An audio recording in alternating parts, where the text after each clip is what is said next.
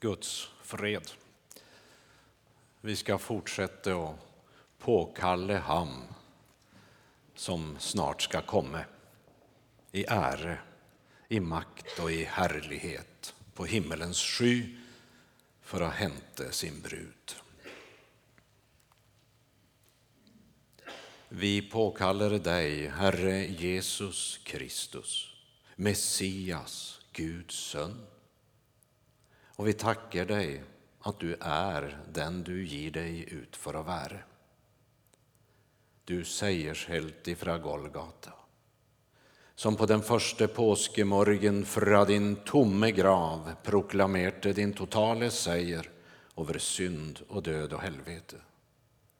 Och nu ber vi Jesus om att denna seger måtte få gällande auktoritet i våra hjärtan denna kvällstund. För Jesu Kristi namns skyld. Amen. Vi ska starta med att läsa i Andra Korinterbrev 12, vers 6-10 i Jesu namn. För om jag likeväl skulle önske och rose mig, ville jag icke bli en dåre, för det jag sa ville vara sant. Men eh, jag lade det vara, för att ingen ska ha högre tankar om mig än det han får vid att se och höra mig. Och för att jag icke ska upphöja mig av de övermåte stora uppenbaringar har jag fått en torn i ködet, en Satans ängel som ska slå mig för att jag icke ska upphöja mig. Om denne bad jag Herren tre gånger att den måtte vika från mig. Men han sa till mig, min nåde är nog för dig. För min kraft blir fullänt i svaghet. Därför vill jag helst rose mig av min svaghet, för att Kristi kraft kan bo i mig. Därför är jag väl tillfreds i svaghet, under misshandling, i nöd, i förföljelse och trängsel för Kristi skyld. För när jag är svag, då är jag stark. Amen. Nåden alene. Ja, Guds nåde är det enaste som kan röra vid ett mänske så genomgripande att ett mänske kan vara väl tillfreds under alla livets förhåll, under allt vad du kan möta i livet. Jag fick en liten inblick i en sida av den sannheten under de år jag jobbade bak järntäppe som den gång delte Europa. Där folk blev förföljt för sin tro och måtte ge sitt liv och sitt blod för sin bekännelse. Men jag har också sett det i Europa och Norden. Vår folk genom sjukdom, prövelser, motgång och vanskligheter, smärtor och förnedringar likeväl trots all yttre vansklighet är väl tillfreds. Och det kan man bara vid Guds nåd och när man lever i den nåden. För ellers har man bara den yttre fred, inte sant? Den där som, som vi följer när allt går grejt. Ett av de ord som jag har hört väldigt mycket i de olika menigheter, det är det här ordet min nåde är nog för dig. Och det andra jag har hört väldigt mycket, det är ordet om kraften som förländes i skröplighet. Men jag må ju med smärta se att när jag har hört det vittnes och förkynnes om så må jag dessvärre se att det verkar som om fokus ligger på skröplighet och svaghet. Och ordet om Guds kraft blev liksom borta med vinden av en eller annan grund. Alltså, varför är vi som Guds barn icke mer upptatt av vad det är för svaghet som gör att Gud, den allmäktiges kraft, fulländes i mitt liv? För det står ju faktiskt det. Inte sant? Varför är vi icke mer upptatt av hurdan man får tak i den svagheten? Svagheten vår Guds kraft blir fullänt. Fullänt, tygg på det ordet lite alltså. Det som är översatt med svag, det betyder egentligen utan kraft. Hjälpelös. Eh, vi kan se totalt avhängig. Sån som Jakob blev. Du har väl läst om han? Alltså jag måste säga med smärta att jag har mött folk som har varit kristna i tre och fyra år och ännu inte läst igenom hela Bibeln. Det är en märklig form för kristendom. Det måste jag säga. Jakob, han hade ett möte med Gud, en brytningskamp. Och vi ska huska att det här det är Guds kamp med Jakob, icke Jakobs kamp med Gud. Icke sant? Jag hade bara varit frälst fyra, fem år när jag hört en fryktelig preken över den texten som hållit på att knäcka troen min. Förkynnen läste texten om Jakob i första Mosebok 32 och så förtalte han här gjallt det liksom att ta upp kampen med Gud och säger det. Och det var som om det var vår kamp med Gud. Och jag prövade mig på den kampen och det gick heller dåligt. Heldigvis. Men det är Guds kamp, inte sant? Det, det, det är ju så att om en kommer och slår dig på mun, då kan du ju välja om du slår tillbaka eller löper. Men om en kommer och tar ett brytegrepp, då har du ju inte något valg. Då må du ta upp kampen. Det var det Gud gjorde med Jakob. Han mötte han och så tog han ett brytegrepp. Jag lurte länge på den där texten. Icke sant? Allmäktige Gud. Som jag ropte och bad över denna text. Jag lurte sån, käre Gud, allmäktige Gud. Är det möjligt att det ska ta en hel natt för dig att lägga Jakob i backen? Och då sa Herren det, ja visst det hade varit mitt mål, hade det varit över på en sekund. Hvis Guds mål är att lägga dig och mig i backen, då är det över min vän. Men Guds mål i ditt liv, liksom i Jakob, det är att vi ska komma i den totalt hjälplösa tillstånd. Tänk dig, du har sänt fra dig hela familjen, alla tjänare, allt du har. Du är fullständigt alene tillbaka. Och så Gud. Och så slår han hofta ut av led. Och det betyder att om jag slipper taket nu så blir jag liggande här. Jag kommer mig icke av fläcken. Och så håller han för sitt liv och så säger han till Gud, jag slipper dig icke med mindre du välsignar mig. Det hade Gud väntat i 40 år på att få höra.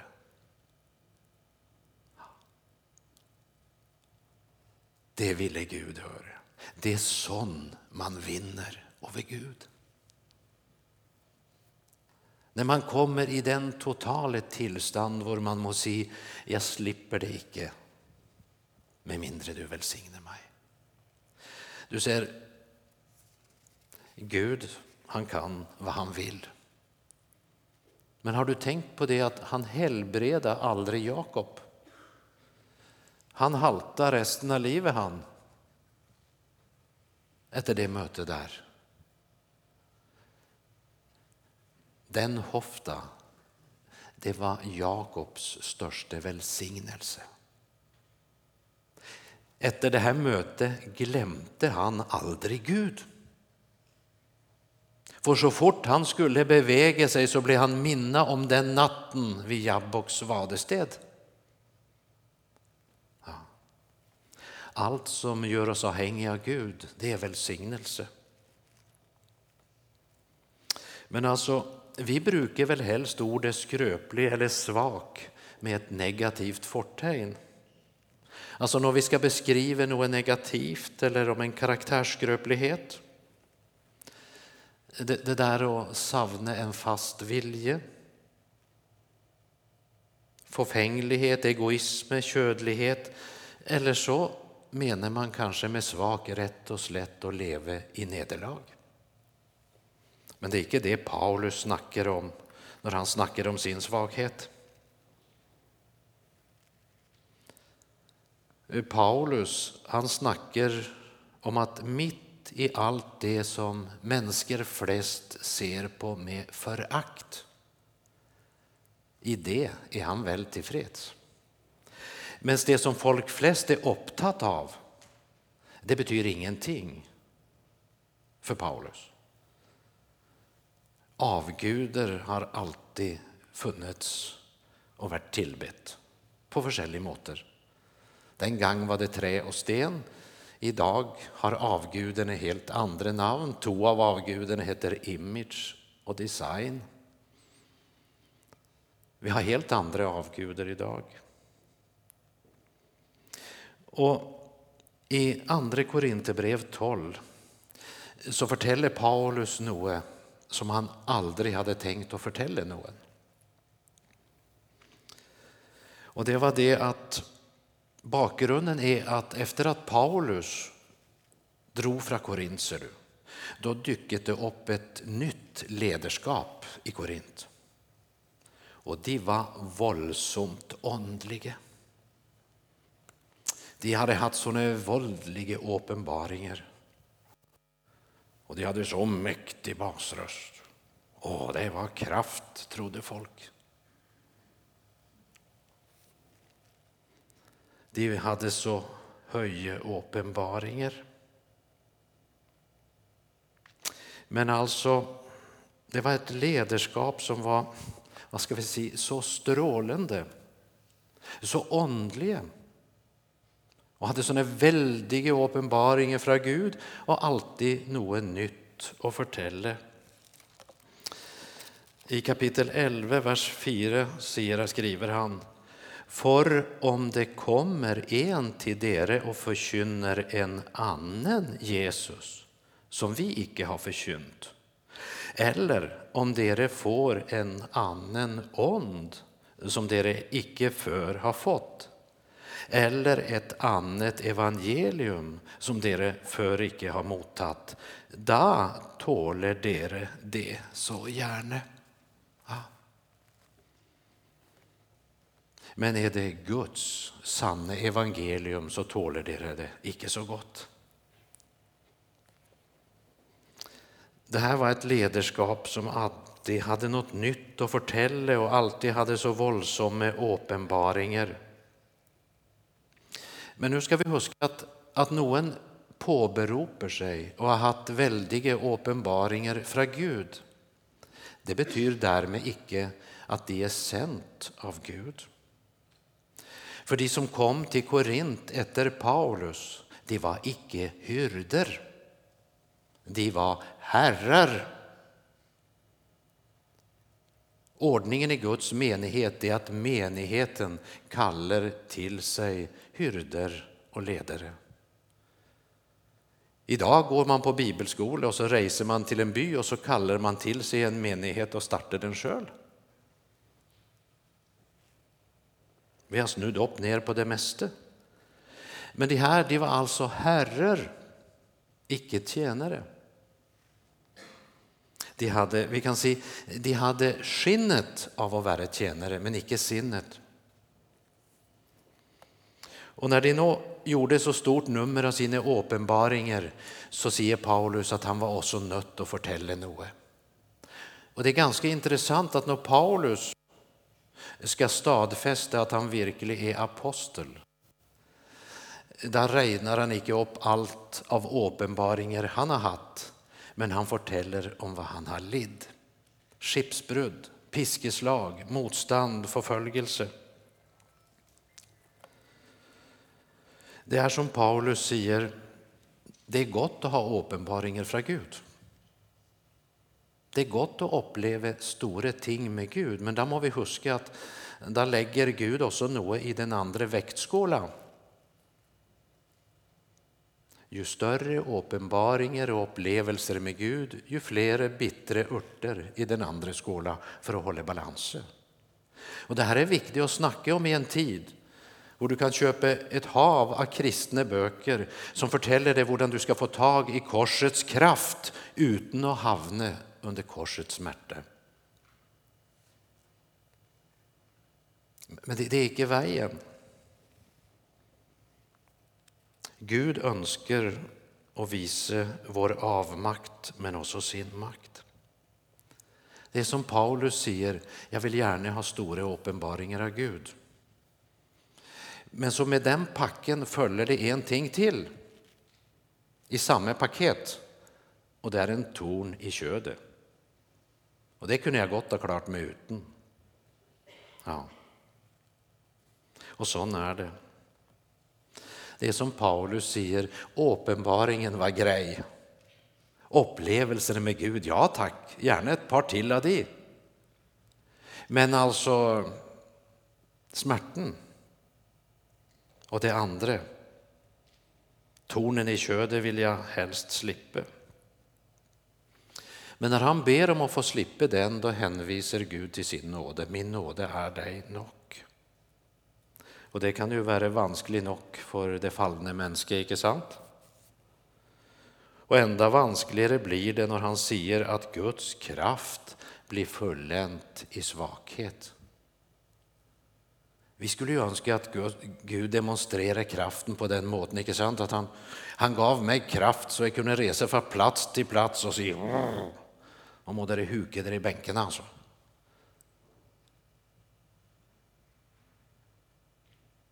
Men han snackar om en kraft som gör att när någon slår oss på det ena kinn så vänder vi det andra kinnet till. Och den kraften, den är föraktet i världen. Paulus tror Gud när Gud säger att kraften fulländes i svaghet. Därför är jag väl till mote i att vara utan kraft, i att bli misshandlad, vara i trängsel och förföljelse. För när jag är svag, kraftlös, då är jag dynamit, säger Paulus. Då kan Gud virke. Han är väl tillfreds under alla förhåll. Tänk att vara väl tillfreds oavsett. Det är vanskligt att tänka sig in i, men det är det han säger. Men du vet, så länge du och jag dveler vid vad ska vi säga, våra kvalifikationer och våra möjligheter och vad vi kunde passa till och så vidare så kan jag aldrig höra Guds sanne kall till mig. Alltså, käre vän, be icke om en uppgave som svarar till din kraft och dina möjligheter. Men be om nåde från Gud och utrustning till uppgaven som tränges. Alltså, Vanskligheterna driver Paulus till Gud och lärer han att regna med Gud. När jag begynte att be Gud om utrustning till tjänste så følte jag ikke jag blev hørt. Livet mitt gick i stå. Och någon kraft såg jag ikke skymten av. Det har aldrig varit värre. Jag trodde att allt som jag trängte det var ett härligt möte med Gud och där skulle han fylla på och så var jag liksom klar för uppgaven. Men tänk dig att jag kommer till dig med ett stort glass och säger jag är så törst och jag vill ha vann. Så blir det lite vanskligt för dig hvis glasset är fullt med cement som har torkat till. Det är ju inte plats till någonting. Du ska icke bli förskräckt eller missmodig hvis livet gör ont. Du skönner det att Gud må alltid begynna med att tömma oss först. Men det må icke stanse där. Gud avslöjar din synd, din skröplighet, din hopplöshet. Intill du tror att det nytter icke för dig att vara kristen. Och så är det en röst i ditt inre som säger att det är kört. Det ville vara mer ärlig och ge upp. Det är icke hopp för mig. Och så tror du att det är slut på ditt kristna liv. Och så ska det visa sig att det du trodde är slutten. Det du trodde är döden. Det är i verkligheten Guds enaste möjlighet till att komma till i ditt liv. Han är en underlig Herre och han har en förunderlig makt. Jag är korsfästet med Kristus. Jag lever icke längre själv, säger Paulus. Därför vill jag helst rosa mig av min svaghet. Det vill säga motgången gör han icke missmodig, men stark. Det är lite viktigt det här. Och jag måste säga, vi har väl i våra kretsar kanske varit flinke på att peka på synden och syndens skyld. Och leder folk till ett punkt där de måste säga att jag är förtapt.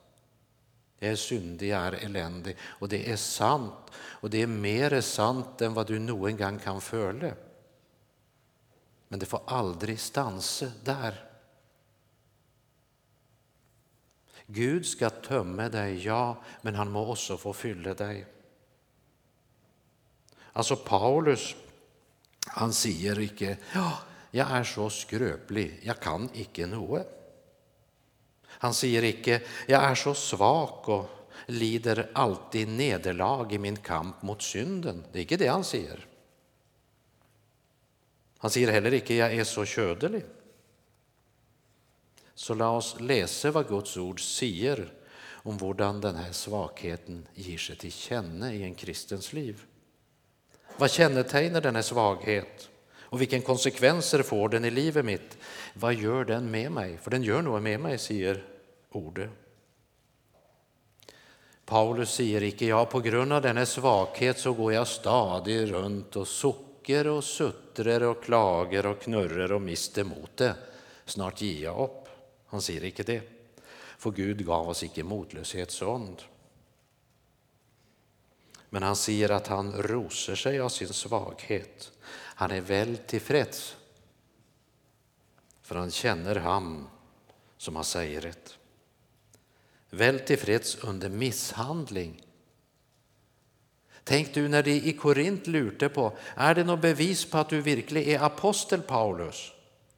För de som är här nu, de har haft slike uppenbaringar och slike och de har gjort följande tecken och under. Grejt, säger Paulus. Då ska jag fortälla vad som är beviset. Jag har lidit skeppsbrud. Jag har utstått piskeslag. Jag är förföljd. Jag har lidit sult. Han räknar upp ganska mycket som det är helt otroligt att han håller ut i och så säger han det är beviset. Skönner dere icke när det stadig är motgång, prövelser och vanskligheter hade jag icke varit kallt av Gud och känt ham hade jag gitt upp och skiftat bete. Oh, nej, ja, men det var vanskligt att vara predikant. Jag får pröva något annat alltså. Han kan inte det för han har mött Gud. Ja. Och oavsett hur mycket motgång så är det inte medgång och lycka som håller han fast i tjänsten, men det är vissheten om Jesus som han har mött och som han vill att andra få möta genom hans förkynnelse. De andra de sa, se på Paulus, se på den svagheten. Se så mycket motgång han har. Gud kan ju inte vara med den karln. För du ser, det nya ledarskapet i Korint de foraktet Ja. De kunde aldrig drömma om att berömma sig av det. Men så tänkte jag, när vi snackar om svaghet och säger att Guds kraft fullkomnes i svaghet, vad tänker vi på? Tänker vi på att leva i nederlag? Tänker vi på att alltid vara fange under synden? Det är icke det det snackas om här alltså. Svagheten här är all motgången som världen förakter och mitt i det bevarar han the fighting spirit. Vi må passe oss så vi ikke har falsk trøst. Ikke sant? Vi kan jo se på når disiplene stengte seg inne bak lukkede dører for de var så livredde. Nästan nesten som et moderne møte. Vi har ennå ikke begynt å låse døra så ingen skal komme inn, men det er ikke langt unna. Vill dere höra evangeliet, så kom hit. Vi har icke tänkt att gå ut, alltså. Och så säger vi kanske, tänk att disse som satt där inne och var så rädda, de sände Gud ut med evangeliet. Det passar gott på oss. Jag hoppas inte det. Alltså Vi ska vara väldigt försiktiga med att söka tröst i disciplernas liv för de hade fått onden för det blir fort falsk tröst. De fortsatte icke att stänga sig inne, alltså. De gjorde icke det. Vi må finna ut vad som sägs om Jesu discipler efter åndsutgjutelsen på pinsedag och så samtidigt vara klar över att kraft och lidelse hör samman.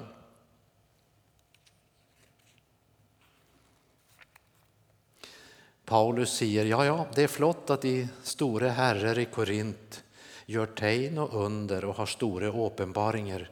Men ta och check upp lite om det är någon Kristuslidelser som stadfäster att tegnene kommer från Gud.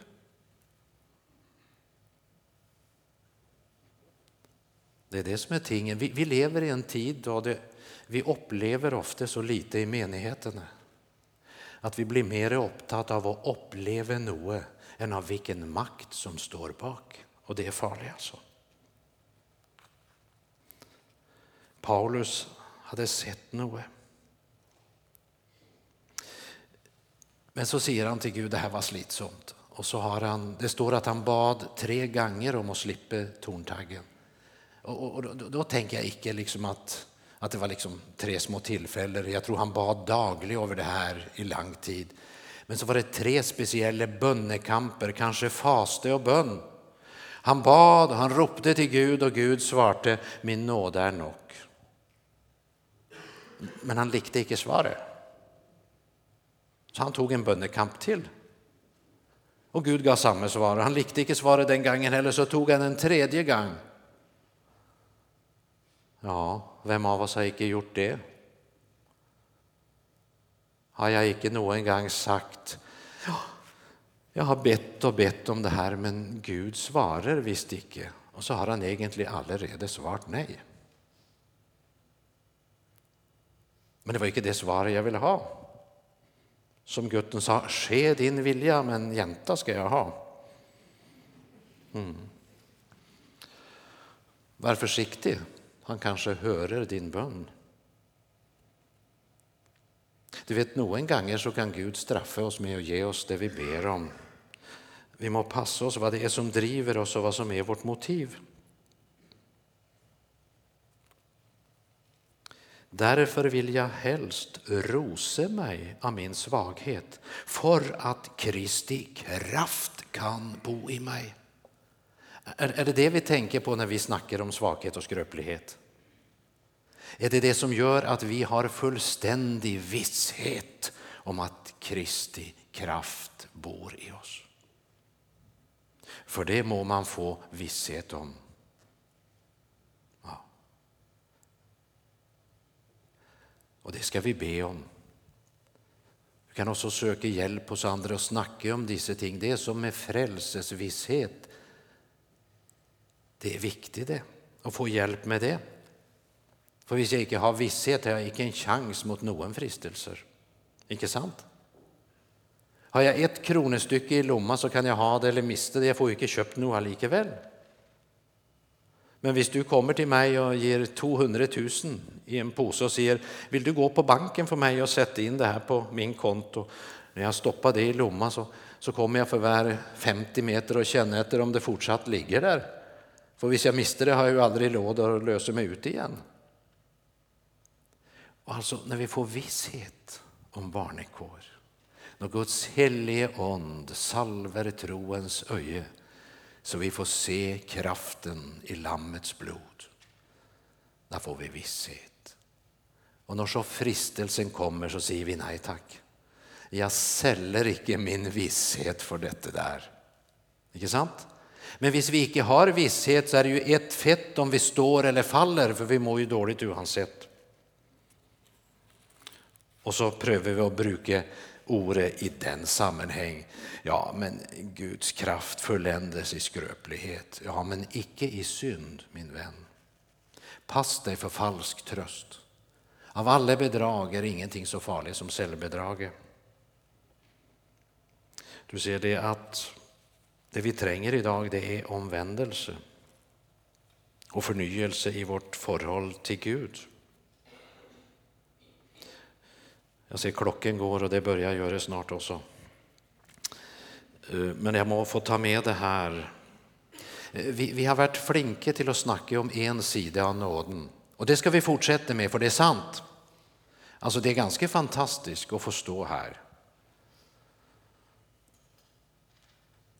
Tänk på min bakgrund. Idag hade jag aldrig blivit född, jag hade varit där bort.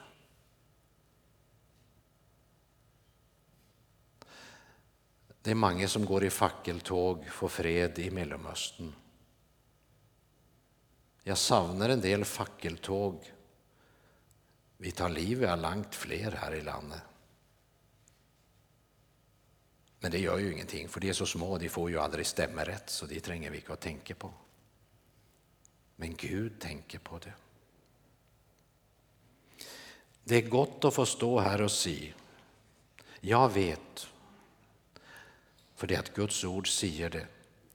Vad än du är och har gjort, vad du måtte bära på din samvittighet. Du kan få gå ut ikväll vit som snö. Oavsett hur djupt och förfärligt ditt fall är, hur förfärligt ditt svek är, så finns det nåde nog till att lösa det allt samman. Det finns icke den synd om du så skulle ha dräpt tio människor men angrer så kan du gå ut tillgitt ikväll. Det är en sida av det. Men vi måste ta med den andra sidan. Det finns också nåde nog till att bryta den mest ingrodde syndavane eller syndalänke. Något du har trällat under i 20, 30 eller 40 år eller ett år. Det finns nåde nog till att bryta det. Och det må bli förkynt. För ellers blir det aldrig brutt. Troen kommer av förkynnelse, men det gör vantroen också, och det må vi huska. Och det som är fött av Gud, det är säger över världen. En som heter Rosenius, han sa det slik. Och han säger sån om Bibeln. Den som brukar detta nådemedel rätt, för ham ska intet som hörer till liv och Guds frykt vara umulig. Det är du. Det tål att bita i. Och den karn, han vet vad han snackar om. kommer du över boken I ondens heliggörelse av Rosenius. Köp den och läs den. Det är revolutionerande. Och så gäller det dig idag. Det finns nåde nog till att tillge det du bär på din samvittighet. Men det finns också nåde nog till att bryta den mest ingrodde syndevane. Och husk det, bara en ting som är viktig, det är att känna Gud. Icke vara med i en menighet först och främst. Du bör vara det också, för vi ska ha ett fällskap. Men vad det handlar om är att känna ham. Det hjälper inte att du säger att jag är kristen och jag vill vara kristen. Visst, det på den stora dag så säger Jesus gå, jag har aldrig känt dig. Hur lär man någon att känna? Jo, med att umgås med honom. Låt Gud få göra något nytt i ditt liv. Låt han få komma till, för det är det han önskar. Och sätt ingen gränser för vad Gud kan göra. Någon gång säger någon, tror du verkligen det och det kan ske? Ja, alltså, jag vill inte uttala mig för skråsikkert om ting jag icke har studerat och bett över. Men jag vill i vart fall se en ting, pass dig för att sätta några gränser för vad Gud kan. Och det gäller också, sätt ingen gränser för vad han kan göra i ditt liv. Det är en sang som har tomt i mitt inre ett år nu. Sedan januari i fjol, så det är ganska nöjaktigt ett år. Jag fick en besked som inte var så hygglig, jag ska inte gå in på den. Jag blev deprimerad och gick rätt i källaren för att säga det så. Jag hade ett dygn som var helt förfärligt. Men så rant lyset när jag läste i boken. Och så kom sangen. En dag ska evighetens morgon gry. Då brudeskaran på en brusten sky från jordens mörka dal till himlens ljusa sal på Guds befallning kallas hem till bröllopsfest. Då glömmes allt som har på jorden lämnats kvar när väl jag hunnit dit jag längtar mest. När genom pärleporten jag ska gå och ur Guds egen hand den gyllne kronan få. Då är vi alla ett. Förvandlingen har skett och kung och tiggare bär samma dräkt. O, om det trängde ner en enda ton utav den sång som ljuda skall vid Lammets tron. Amen. Herre, jag tackar dig för ditt ord. Hjälp mig att icke vara rädd för smärta. Herre, rör vid mig och låt mig få uppleva den Ondens salvelse och den Guds nåde som gör mig väl tillfreds i alla livets situationer så jag icke söker mitt eget. Och detta är icke något jag kan upparbeta mig. Här är det nåden alene. Och där tar jag min tillflykt idag. Och jag vill tacka dig Jesus att det virker. Amen.